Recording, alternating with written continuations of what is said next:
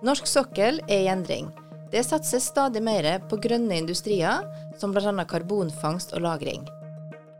Med støtte fra regjeringens Langskip-prosjekt vil Northern Lights i 2024 starte injeksjon av CO2 fra et nytt mellomlagringsanlegg i Øygarden. Hva kommer dette til å bety for aktiviteten på norsk sokkel, og ikke minst for sikkerheten?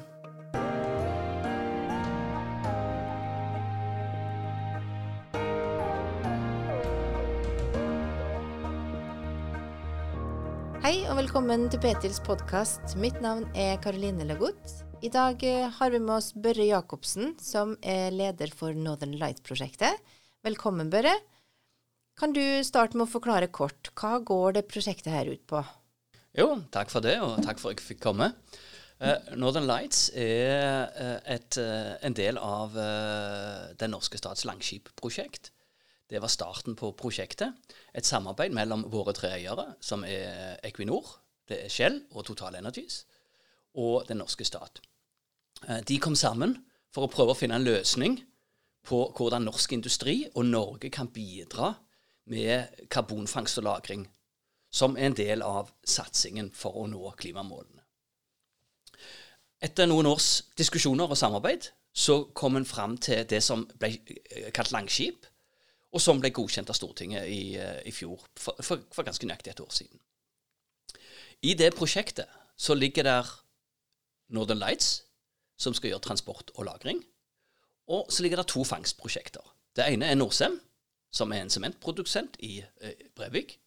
Og så er det Fortum Oslo Varme, som er et varmegjenvinningsanlegg i Oslo.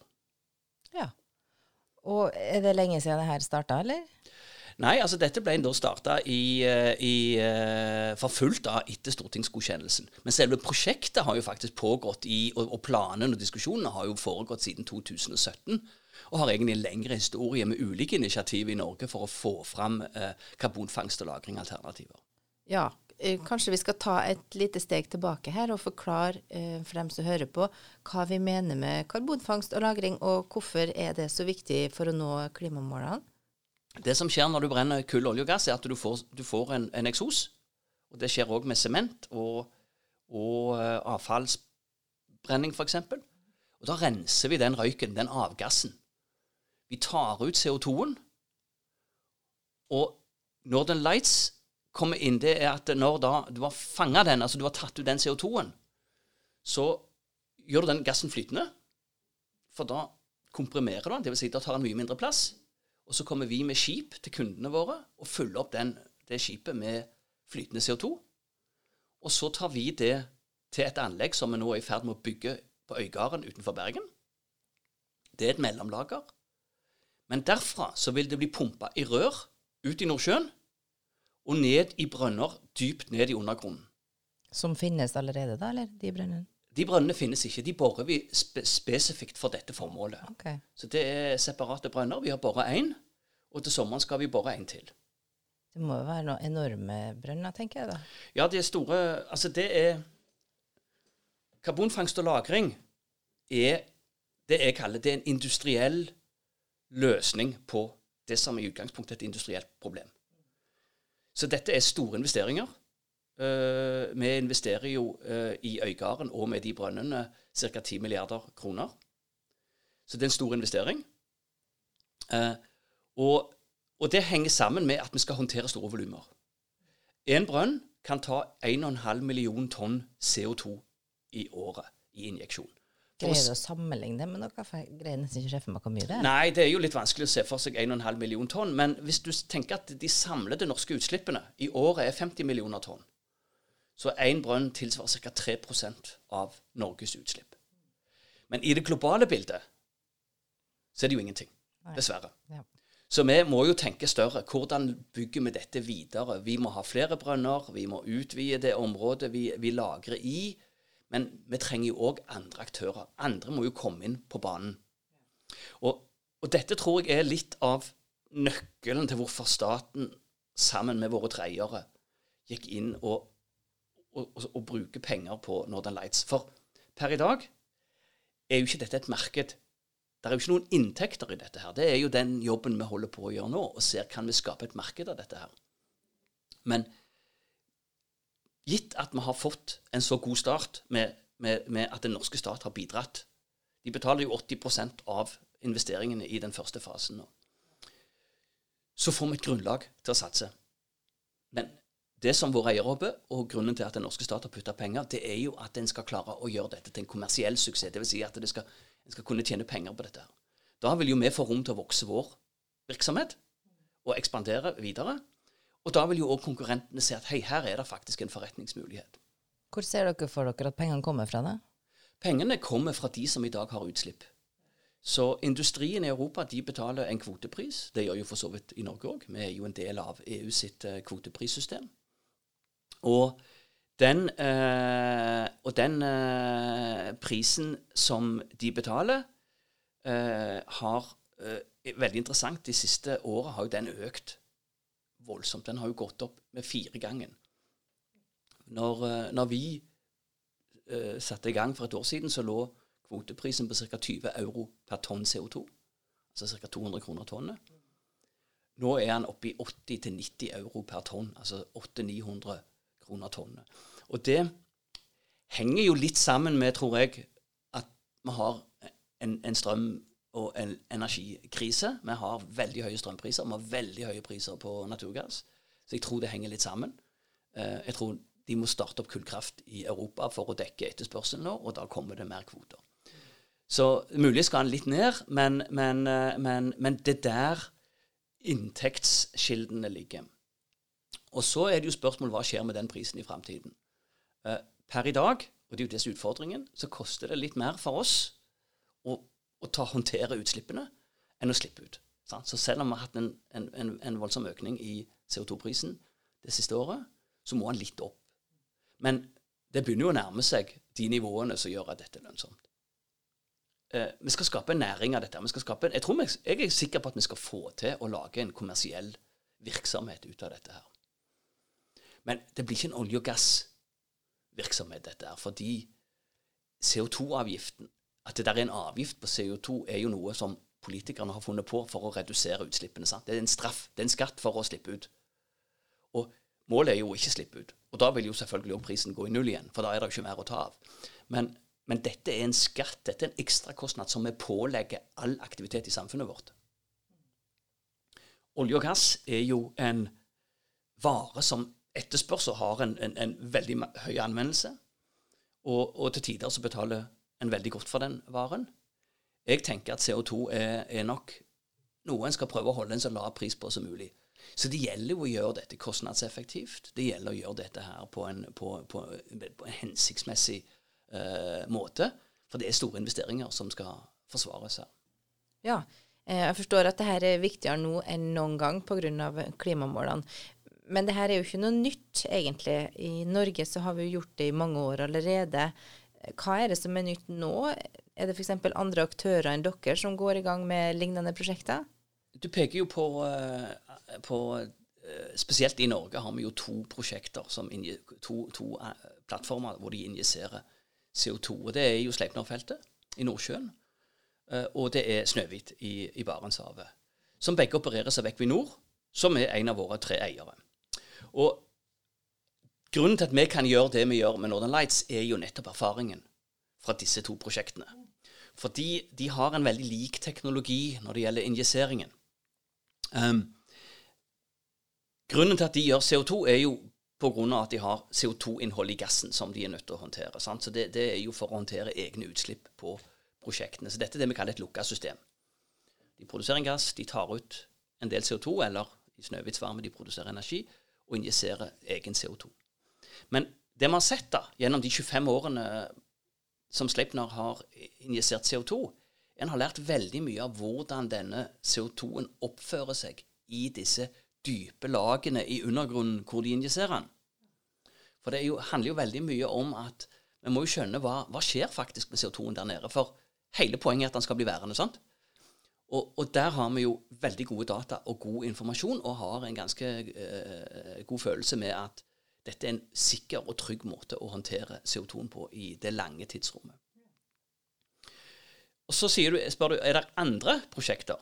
Um, der er en god del prosjekter faktisk med, med karbonfangst og -lagring i, i, rundt omkring i verden. I Nord-Amerika, i Europa og òg uh, i, i, Australia.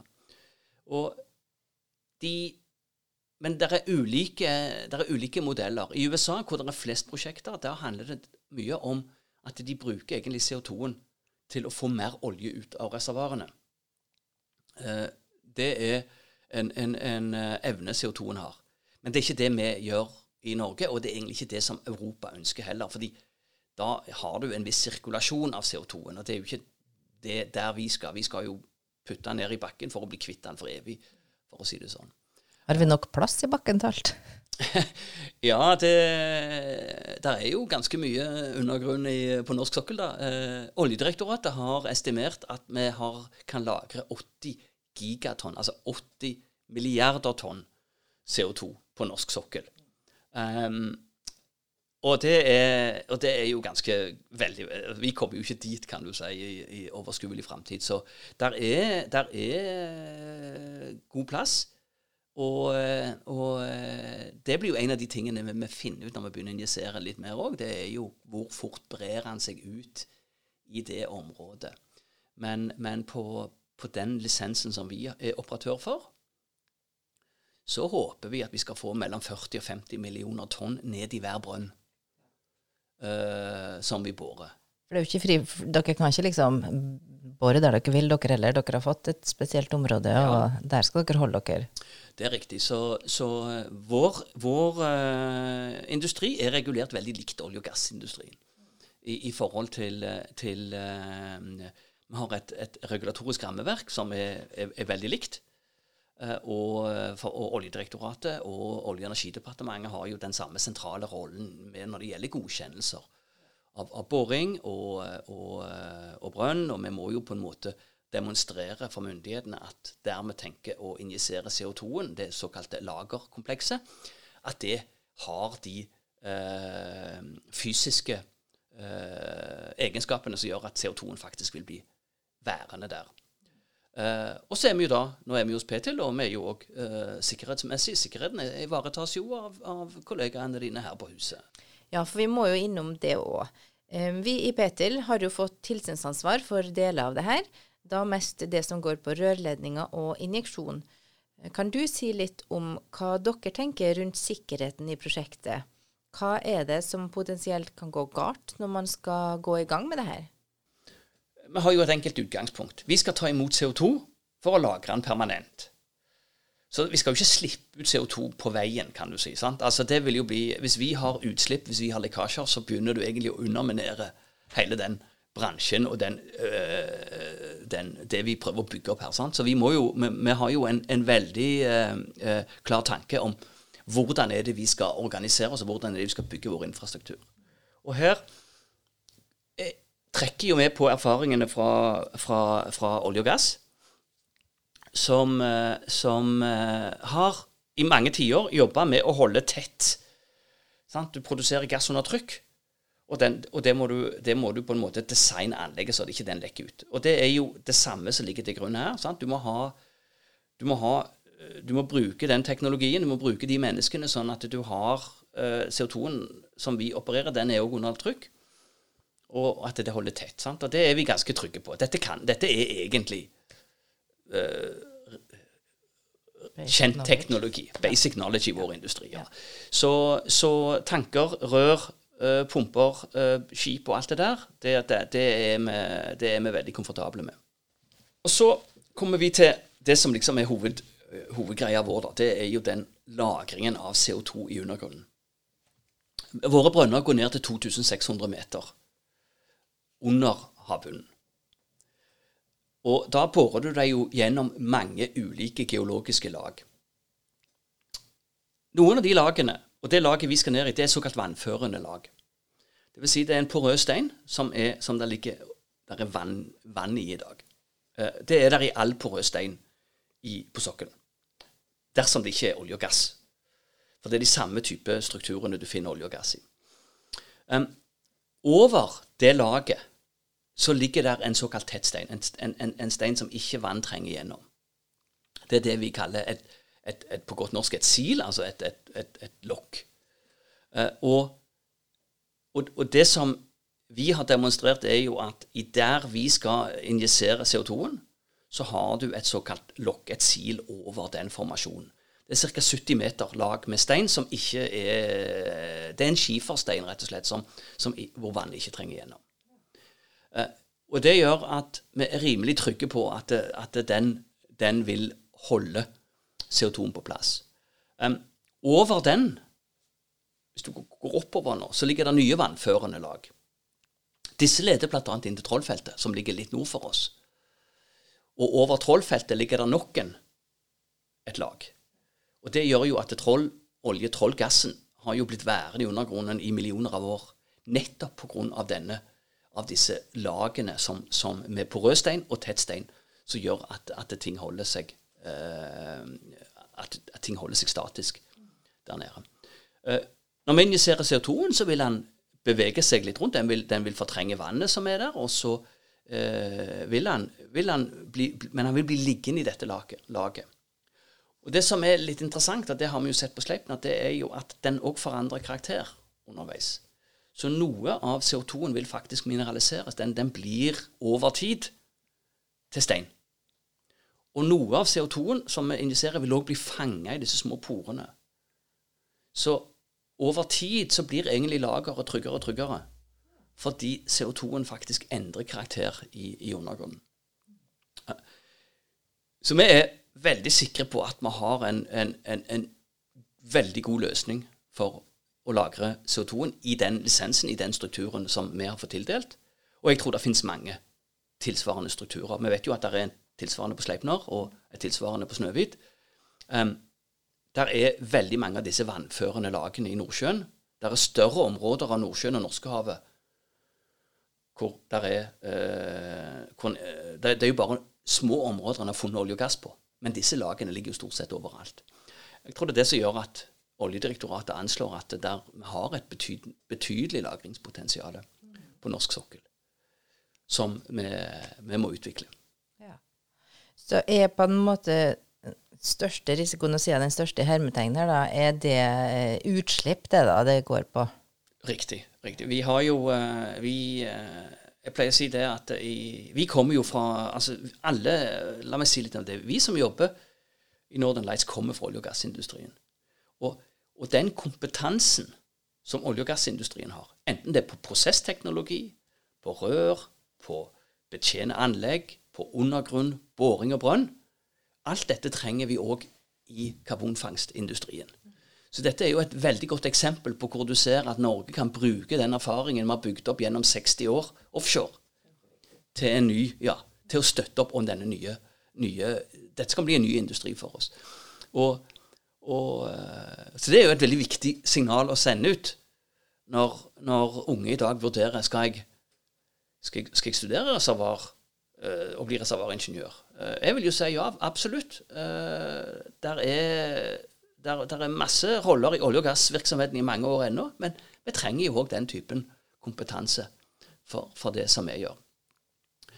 Og så har du sagt ja, hva kan gå galt? Du kan alltid, du kan alltid ha et uhell det kan du aldri 100% garantere deg mot. Og du kan da få utslipp av, av f.eks. CO2. Si at du, at du får en, eh, en, en, liten lekkasje på, på skipet eller i en overgang. Um, det, så, så, du vil alltid kunne ha utslipp. Du kan aldri 100% gardere deg mot det. Men det er jo det som er vår jobb, er jo å holde dette tett, selvfølgelig. Men, men da er det jo sånn at vi Da vil du jo kun få CO2 ut og den, eh, den, er jo i motsetning til når du jobber med oljeprodukter og, og naturgass, så har jo det en helt annen konsekvens i forhold til at det kan, dette, kan, dette, er brennbart, og det har en, en, en, en stor forurensningseffekt.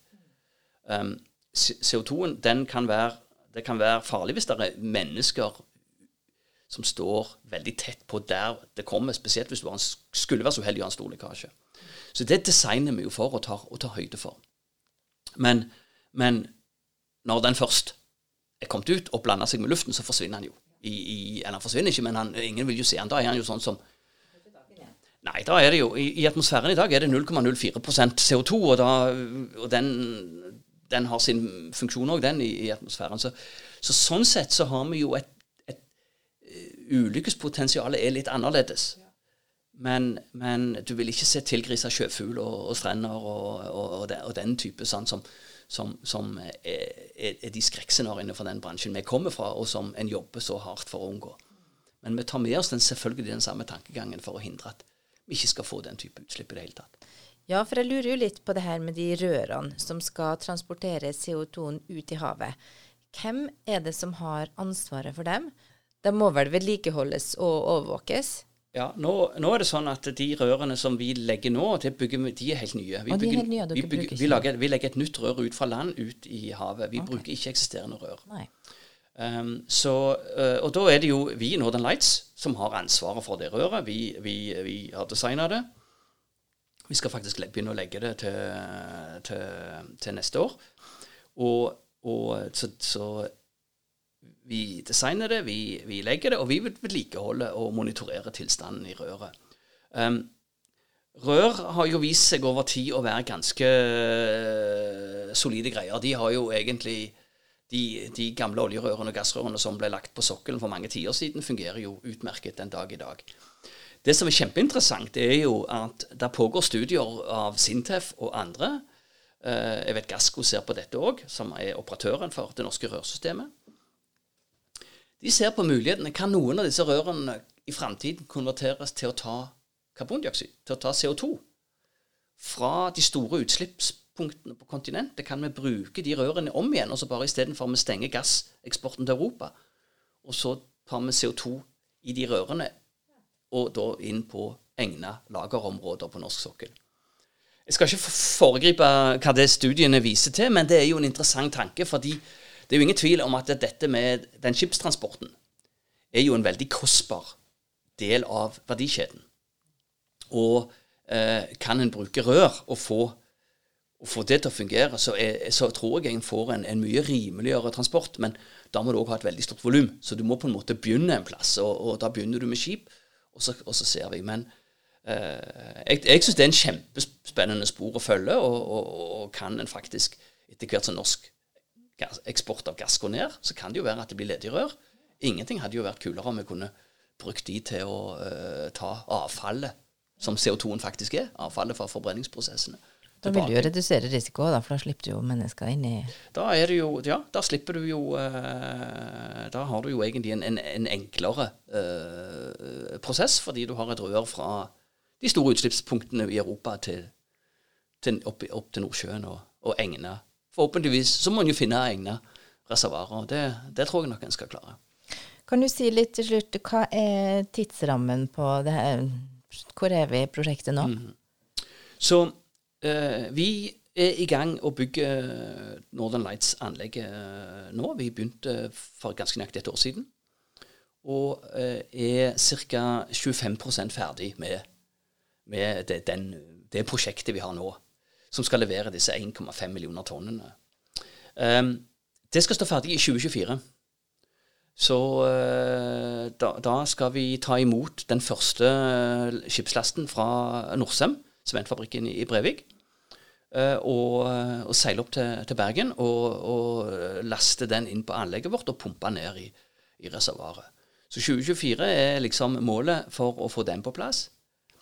Men, men da har vi 1,5 millioner tonn og vi, jo, vi må jo videre. Og, og, det er jo det vi, vi, vi, jobber med nå. Så vi markedsfører jo våre tjenester. Vi har en del eh, veldig stor interesse for denne, for denne tjenesten. Eh, fordi det er veldig mange som har store utslipp, og de ser at prisen på utslipp går opp. Og det andre er at alle disse store industrikonsernene i Europa er jo levende opptatt av å finne løsninger på, på klimaproblemet, de òg. Og mange av de har jo pekt på karbonfangst og -lagring som, som, som den løsningen som, som, de ser for seg. Så øh, klarer vi å, å, å, møtes med de kommersielle betingelsene, at vi får en pris som gjør at vi kan investere, så, øh, så ønsker vi å ta hele det røret vi bygger i bruk, som har en kapasitet på rundt 5 millioner tonn. Så da kan vi tredoble øh, kapasiteten. og det håper vi. Vi håper å ha solgt den kapasiteten sånn at når vi kommer til 25-26, at vi da kobler på den neste eh, kapasitetsøkningen. Men da er det veldig viktig å si at når vi gjør det, så er det kun de private pengene. Da har liksom den norske stat sitt bidrag den er bare på første fase, så dette blir en ren privat investering. Og det er jo det jeg snakker om, med å få dette til å bli kommersielt. Da vi, får vi en kontrakt. Kan den betale investeringene, og så gjør vi det. Da har vi på en måte bevist at, at dette er mulig. Og da eh, mener jeg da er the sky the limit eh, bokstavelig talt. Fordi markedet, utslippene, er så enorme. Og da vil det være muligheter for mange. Men det gjelder å få den liksom, første effekten. Og de første kundene som knytter seg på, de søker jo støtte fra EU for å få investeringshjelp til sine fangstanlegg. Så sånn må det være en liten periode. Men jeg, jeg tror med, med, noen anlegg så får vi kostnadene ned, og så kan vi dette begynne å bli en ren kommersiell virksomhet. Ja, for det her lurer jeg litt på. Selv om det her er en kommersiell virksomhet, så finnes det kanskje samarbeidsarena for sikkerhet, slik som vi har ellers i petroleumsbransjen? Ja, der, der er det. Der er et um, der er, der er lagd et lagringsdirektiv for Europa, som Norge er en del av. Så alle er på en måte i, i Du har den, det samme rammeverket. Uh, og, og uh, så, så, i utgangspunktet så er dette et, et felles, men dette er jo òg, kan du si, en, en, industri som er i ferd med å bli etablert. Det er jo bare vi som faktisk er i gang og bygger. Uh, de andre prosjektene ligger ett, to, tre år bak oss. men, men jeg tror at for at dette skal bli en suksess, og ikke bare noe som, som vi i Northern Lights holder på med i et lite hjørne av Europa, Uh, og det må bli en suksess for å nå klimamålene. Så, så, er det jo veldig viktig at vi får konkurrenter. Og at vi må jo da òg prøve å få til en viss harmonisering av hvordan vi gjør dette. Uh, kan vi ha sant, at du har et mest mulig likt like reguleringer, uh, og, og, at du har en del av de samme standardene. Fordi da skaper du litt mer muligheter, og, og akkurat som Norge har gjort innen på olje og gass, sant? at det, du, du, skaper litt mer fleksibilitet. Hvis alle sitter med hver sin spesialdesigna løsning, så, så, så, tror jeg det blir eh, eh, Da blir det vanskeligere å få bygge opp den skalaen så fort som vi trenger. For vi har egentlig ikke så mange år på oss til å, å få dette til å bli en suksess. Ja, Det er klart at det her er viktig arbeid som dere er i gang med. Og vi i Petil vil jo bidra til at det skjer på en sikker måte. Og for å forklare litt mer om eh, nettopp hvordan vi skal gjøre det, eh, så har vi fått med oss Espen Landro som jobber her i Petil. Espen, hvordan er Petil involvert i Langskip og Northern Lights-prosjektet? Hva er vårt myndighetsansvar? Eh, vi har jo myndighetsansvaret for sikkerhet og arbeidsmiljø CO2-transport og -lagring. Ehm, vi lagde jo en eh, forskrift, eller fastsatte en forskrift 25.2.2020. Eh, som heter 'Forskrift om sikkerhet og arbeidsmiljø ved transport og injeksjon av CO2 på kontinentalsokkel'. Den såkalte CO2-sikkerhetsforskriften. Eh, det er jo en forskrift som gjelder utstyr og system for injeksjon, eh, bl.a. utstyr og systemer som er nødvendig for drift og vedlikehold av rørledningen, samt system for eh, overvåkning av injeksjonsbrønner og nød- og sikkerhetssystemer tilknyttet denne rørledningen. I Northern Light skal de da Kontrollrommet skal styres fra Sture. Så ansvar, der vil jo vårt ansvarsområde dekke det kontrollrommet. Og så har vi jo Injeksjonsbrønnen skal jo styres fra Oseberg, så det er òg naturlig da vårt ansvarsområde. Så har vi jo eh, eh, på mellomlagringsanlegget i Øygarden, så er jo da eksportventil og rørledninger ut til injeksjonsplassen, som er vårt ansvarsområde primært. Ja, Så vi har ikke tilsynsansvar for selve mellomlagringsanlegget, kun med rørene som går ut derifra og til injeksjonsbrønn? Eh, dette mellomlagringsanlegget i Øygarden, det er jo, eh, der jo, skal det komme skip fra Østlandet og fra eh, senere da forhåpentligvis Europa og andre plasser i Norge. Så skal da laste av CO2-en sin på sånne store mellomlagringstanker der. Filosofien der er jo at de skal ha kontinuerlig injeksjon. Sånn at det skal da være mer CO2 i det anlegget enn det som skal injiseres til hver tid. Sånn at det hele tiden har en flow gjennom rørene. Eh, for å få denne CO2-en ut på injeksjonslokasjonen, så må de jo da ha en store pumpe som da pumper dette her av gårde gjennom disse lange rørledningene og ned i reservoaret. Og vårt ansvarsområde gjelder da fra denne eksportpumpa og uten nødvendig sikkerhetsutstyr rundt den på det anlegget. DSB har jo da resten av anlegget. Så har vi jo da eh, Anlegget skal jo styres normalt ifra kontrollrommet på Sture. Og der har vi jo et naturlig eh, ansvarsområde. Og injeksjons... eh, blir styrt ifra Oseberg. Sånn at der er vi òg naturlig da har et ansvarsområde. Men vi har jo òg behov for å kunne føre tilsyn med sikkerhetsutstyr rundt eksportpumpa. Men her, dette har vi en dialog med, med, DSB om hvordan vi skal gjøre på en, en eh, fornuftig måte. Ja, Så det du sier er at det fortsatt ikke er helt på plass ennå, eh, hvordan tilsynene vil foregå? Eh, som praktisk gjennomføring av, av vårt tilsynsansvar er jo ikke helt avklart ennå. Vi har jo grensesnitt med bl.a. DSB og Miljødirektoratet og sånt. Så dette er vi jo i, i dialog med de andre tilsynene om hvordan vi skal få gjennomført på en praktisk måte. Men vi er klar for å gjøre jobben da, så snart det her er på plass?